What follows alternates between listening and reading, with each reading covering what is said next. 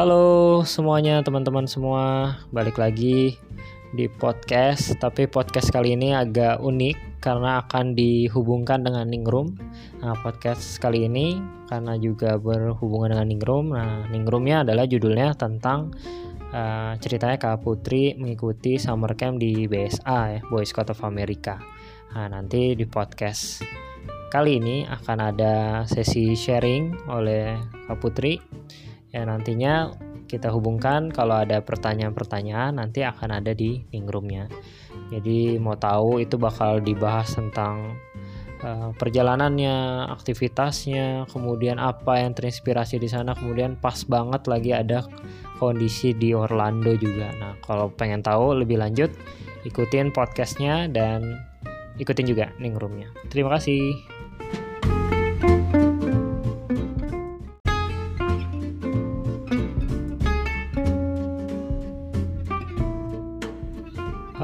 Selamat malam teman-teman semua. Kali ini learning forumnya agak berbeda karena materinya akan ada di podcast. Jadi nanti learning forumnya atau di WhatsAppnya atau Ningroomnya akan fokus kepada pertanyaan.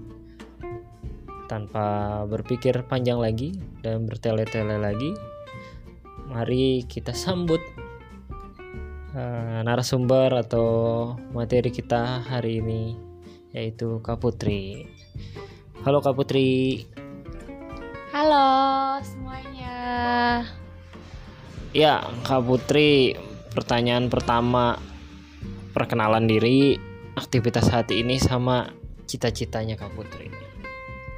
Um, halo, perkenalkan nama saya Putri Stisha Prilida uh, sehari-hari saya jadi uh, bekerja di Kementerian Kesehatan di Biro Kerja Sama Luar Negeri. Uh, cita-cita saya apa ya? Cita-cita saya nggak muluk-muluk sih, bisa membantu orang aja. Itu sih palingan Kak Yuda. Oke, terima kasih Kak Putri. Lanjut ya. Uh, karena kemarin tema yang kita mau dapatkan dari Kak Putri ini adalah tentang pengalaman Kak Putri ikut serta dalam summer campnya Boy Scout of America. Nah, pertanyaannya ceritain deh dari awal perjalanan uh, prosesnya akhirnya dapat, kemudian setelah dapat perjalanannya bagaimana, kemudian aktivitasnya kayak gimana. Itu dulu. Silakan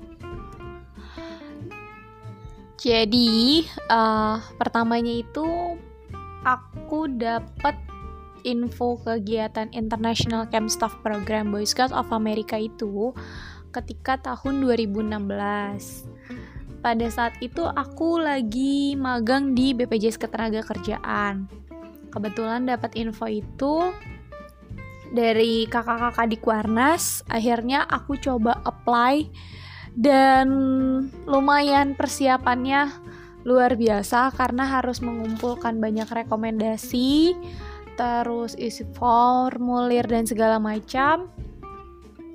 Sampai ada formulir uh, kesehatan. Itu yang agak uh, lumayan nyita waktu juga karena harus cek medical check up dulu sebelumnya. Terus udah gitu uh, kegiatan tersebut sebenarnya uh, free ketika kita di sana. Jadi semua akomodasi di sana itu ditanggung. Cuman untuk tiket dan visa serta paspor itu kita sendiri yang nanggung. Nah, jadi itu effort juga untuk ngumpulin uangnya. Uh, kemarin sih alhamdulillah aku juga dibantu sama Kuarcap Kota Bogor dan Kuarda Jawa Barat jadi lumayan uh, perjuangan banget sih itu untuk uh, dari dari mulai pendaftarannya sampai aku bisa mendapatkan support dari Kuarcap dan Kuarda itu luar biasa sih. Itu sih Kayuda Oke itu tadi prosesnya ya. Kemudian ceritain juga apa sih aktivitas di sana atau jelasin secara singkat uh, program yang kakak ikuti apa kemudian di sana ngapain aja Kemudian apa yang paling uh, menginspirasi sampai saat ini? Silakan Kak Putri. Um, sebelum kita ke sana, aku mau cerita sedikit cerita juga sih perjalanan aku ke sana yang luar biasa. Karena uh, hari terakhir itu uh, jadi hari ini aku masih magang, besok aku sudah berangkat. Jadi nggak ada namanya istirahat itu nggak ada. Jadi aku hari ini masih magang. Hari terakhir besok sudah berangkat. Besoknya juga perjalanannya lumayan panjang transit di Doha. Uh, lumayan kejar-kejaran karena ternyata aku baru tahu kalau transit di Doha itu dari ujung ke ujung. Kita lari-lari karena cuma transit satu jam aku harus lari-lari begitu juga bawa koper dan bawa uh, ransel lari-larian ke untuk ke imigrasinya dulu sebelum masuk ke ruang tunggu. Nyampe di JFK ternyata aku juga harus naik bis lagi ke stasiunnya dan itu aku nggak bisa pakai cash pada saat itu. Jadinya aku mencoba cari u mencari uang receh sebenarnya karena uang aku waktu itu benar-benar 50 dolar karena kalau kita di sini nukar tuh jarang banget ada yang receh. Ternyata di sana karena bisnya itu 17 dolar. Jadi dia maunya pakai uang pas ke kecuali kita bisa pakai kartu kredit. Dan ternyata nggak ada yang bisa. Jadi ya uh, mau nggak mau untungnya aku sebenarnya bawa kartu kredit cuman aku uh, sebenarnya nggak mau pakai itu kalau nggak kepepet. Tapi ya udahlah apa daya. Karena aku udah muter-muter uh, bandara untuk nyari tukeran uang tapi nggak ada satupun yang bisa bantu aku untuk nuker uang. Jadinya aku pakai kartu kredit. Terus pas aku di bis itu ternyata aku sebelahan sama orang Kuwait. Terus dia kita ngobrol-ngobrol ternyata dia seorang muslim juga. Dia dosen di Kuwait terus dia lagi liburan. Terus dia kasih aku uang 100 dolar sebelum dia turun dari uh, bis. Karena katanya kita sesama muslim harus bisa saling membantu gitu. Baru sampai oh iya satu hal sih tips buat kalian kalau misalnya kalian mau pergi-pergi di daerah Amerika kayak gitu lebih baik kalian mesennya jangan mesen tiketnya itu jangan on the spot. Karena waktu pas aku uh, tiga hari sebelum aku berangkat aku cek di websitenya Amtrak itu harga tiketnya cuman 98 dolar. Tapi pas aku udah nyampe di uh, Amtrak station ya di Penn, uh, di Penn Station ternyata itu harganya 298 dolar. Gila banget kan harganya beda banget jauh banget. Pengen sih sebenarnya sama aja kayak naik pesawat tapi ya apa daya? Beli aja karena udah nyampe sana juga kan. Belum lagi over baggage dan segala macamnya jadi ya udahlah beli aja. Dan beruntung banget sih waktu itu ada dikasih yang sama orang Kuwait itu 100 dolar jadi bisa buat beli makan juga di sana. Karena aku bawa uang memang cash itu pas-pasan banget. Karena di sana itu kan kita akan dikasih uh, uh, istilah apa ya? Dikasih gaji. Bisa dibilang kasih gaji sih karena mereka sangat menghargai apa yang sudah kita berikan gitu. Terus nyampe di sana aku dijemput sama uh, Mr. George uh, dia yang jemput aku sama istrinya dia sama istrinya jemput aku di uh, di stasiun. Habis itu kita ke Bird Adam Scout Camp. Itu di mana tempat aku tinggal selama 8 minggu 9 minggu 9 minggu. 8 minggu sih cuma satu minggunya itu untuk kita uh, bersih-bersih istilahnya gitu. Jadi satu minggu sebelumnya itu kita preparation kita nyiap nyiapin jadi uh, kita tuh uh, sebenarnya uh, program summer campnya itu cuman tujuh minggu. Tapi sebelum kita mulai program summer campnya itu kita mulai dulu yang namanya preparation. Preparationnya itu mulai kita nyiapin uh, tenda-tendanya, terus kita nyiapin eh, barang-barang kebutuhan untuk kita ngajar. Pokoknya semuanya kita beresin. Termasuk kita nyapu nyapuin ruangannya apa segala macam itu kita yang nyiapin. Kayak dari kita untuk kita eh dari kita oleh kita untuk para campers gitu kalau programnya sendiri keren sih maksudnya uh, internet uh, uh, summer camp itu mereka di mana tempatnya mereka itu untuk mengambil TKK. Jadi kalau di kita itu kan pengambilan TKK itu adanya di uh, Gudep ya. Tapi kalau misalnya di sana Boy Scout of America itu pengambilan TKK-nya harus melalui summer camp ataupun winter camp atau mereka akan datang ke uh, apa ya bisa disebut kayak kuartir kali ya kuaran atau kuarcapnya gitu. Untuk uh, pengambilan TKK jadi nggak boleh tuh langsung digudep kayak gitu. Gudep tidak punya wewenang untuk meluluskan mereka. Gitu. Terus uh, yang lucunya uh, setiap uh, campers itu kan datangnya setiap hari Minggu dan mereka akan pulang di hari uh, penutupannya itu Jumat malam. Jadi ada yang pulang Jumat malam itu juga langsung setelah api unggun mereka langsung pulang. Ada juga yang Sabtunya baru pulang. Nah, jadi pas hari Minggunya itu, pas mereka datang, kita tuh akan berdiri di dekat uh, lapangan yang mereka akan turun buat naruh naruh barang-barang ya pas mereka pertama kali sampai terus kita sambil uh, teriak-teriak dan harus muka happy gitu dengan berteriak uh, welcome to Bird Adams. Gitu-gitu deh pokoknya seru deh. Pokoknya bagaimana kita bisa menarik hati si campers itu. Pokoknya kita harus membuat mereka uh, nyaman dan kayak kayak harus bisa ngejadiin mereka kayak keluarga kita sendiri gitu. Nah, selama Senin uh, hari Minggunya itu mereka pokoknya diajak setelah mereka sampai mereka akan registrasi ulang. Nah di registrasi itu mereka juga akan uh, apa namanya uh, cek kesehatan dan segala macamnya juga. Setelah mereka cek kesehatan mereka akan dibawa ke uh, campnya mereka. Kalau udah mereka sampai di campnya uh, itu uh, oh ya untuk ke untuk mereka datang dan berkeliling-keliling itu akan ditemenin sama salah satu dari panitia. Nah, aku sering banget tuh ngedapetin uh, ngedampingin mereka.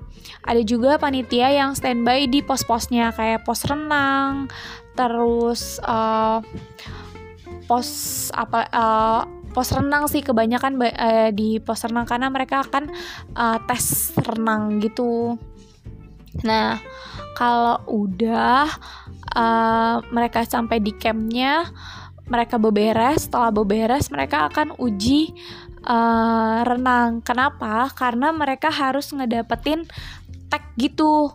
Uh, kalau misalnya emang mereka uh, pas di ujian renangnya itu lulu lolos, uh, mereka boleh berenang uh, di danau ataupun di kolam renang. Tapi kalau misalnya nggak nggak dapet uh, ininya, nggak dapet tagnya, bukan nggak dapet tagnya sih, tagnya itu nggak berwarna merah hitam, mereka harus uh, berenang diawasi lifeguard gitu. Uh, setelah tes renang, mereka akan muter-muter kelilingin camp.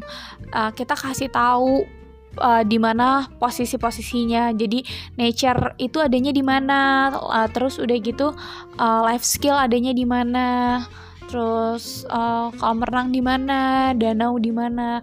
Danau itu maksudnya untuk canoe, terus udah gitu boating, terus uh, free swimming kayak gitu-gitu, diving itu masuknya di bo uh, itu masuknya di danau kayak gitu. Nah, jadi mereka kalau misalnya nggak ngedapetin tagnya itu, mereka nggak boleh ngambil TKK itu. Kayak gitu. Terus udah gitu teh oh ya tes tes renangnya mereka itu bukannya di kolam renang ya. Tes renangnya mereka itu di danau.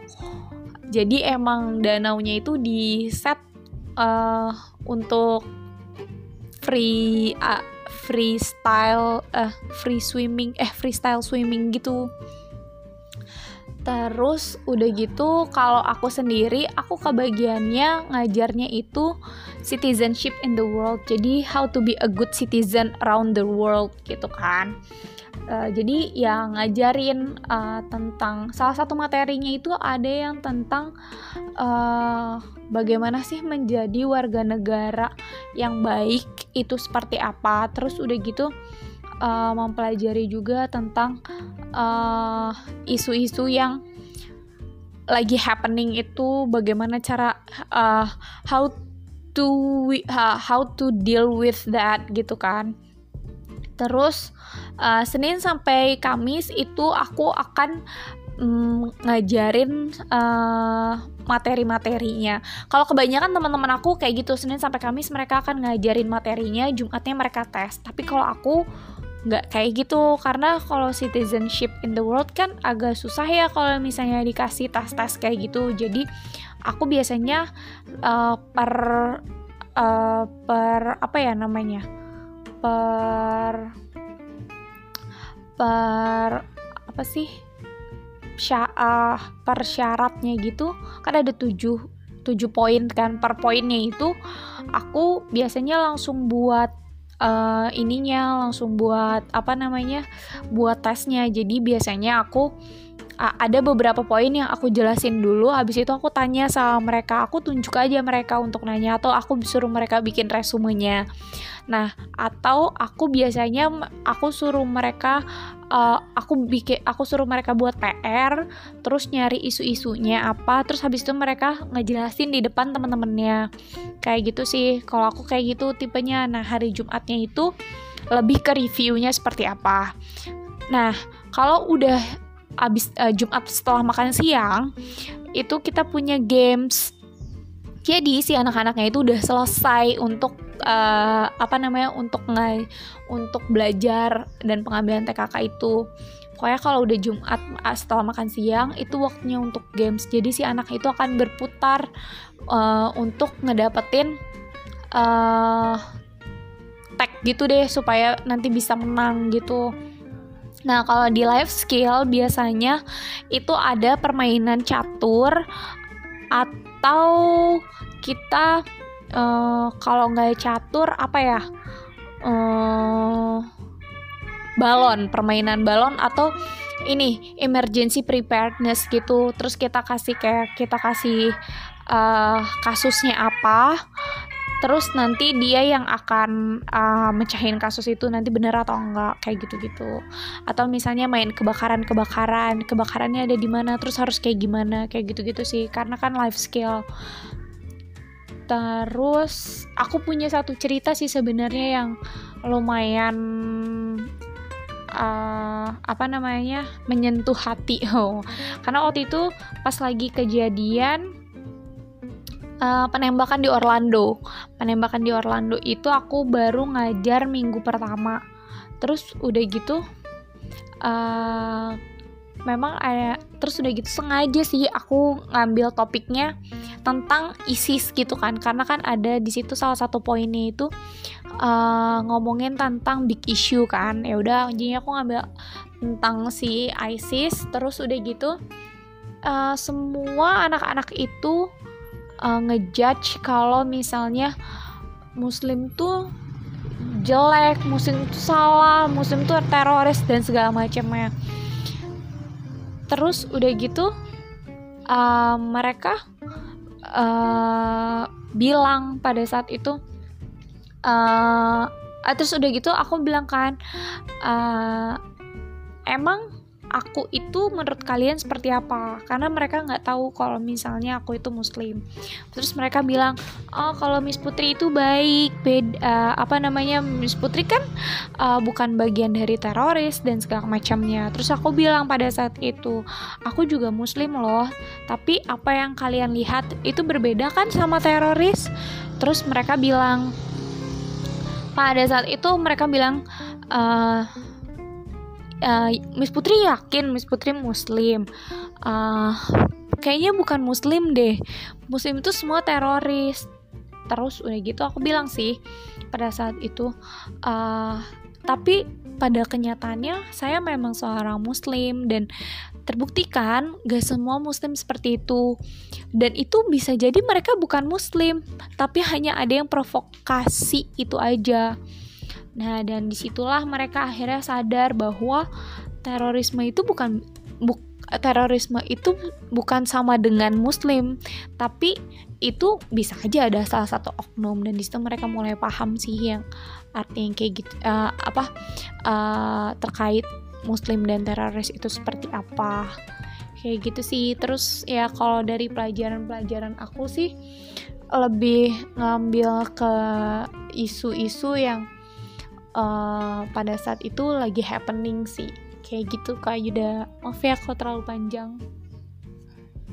Oke, terima kasih banyak Kak Putri atas sharingnya gitu ya. Nah, tadi udah banyak ya dari awal kemudian perjalanan kemudian aktivitas di sana dan apa sih yang didapat atau apa yang terinspirasi lah didapat oke kalau teman-teman udah selesai dengarnya semua uh, nanti sesi pertanyaannya akan ada di Ningrum jadi kita coba ya Ningrumnya materinya ada di podcast pertanyaan-pertanyaannya ada di Ningrum ya nanti bakal saya share link dan sebagainya. Terima kasih semua.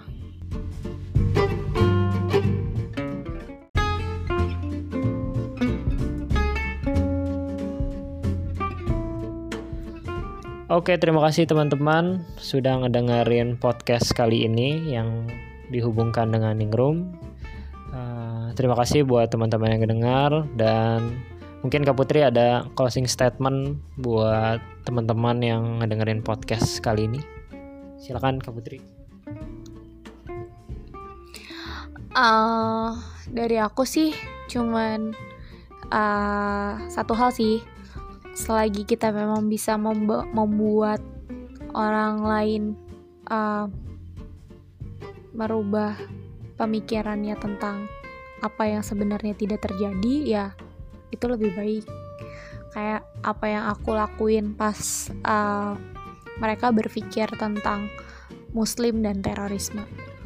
Itu aja sih Oke, terima kasih Kak Putri. Terima kasih buat teman-teman yang udah ngedengerin. Terus berikan masukan, kritik, saran untuk podcast-podcast selanjutnya. Semoga terus bermanfaat dan tetap selalu menunggu podcast-podcast selanjutnya. Terima kasih.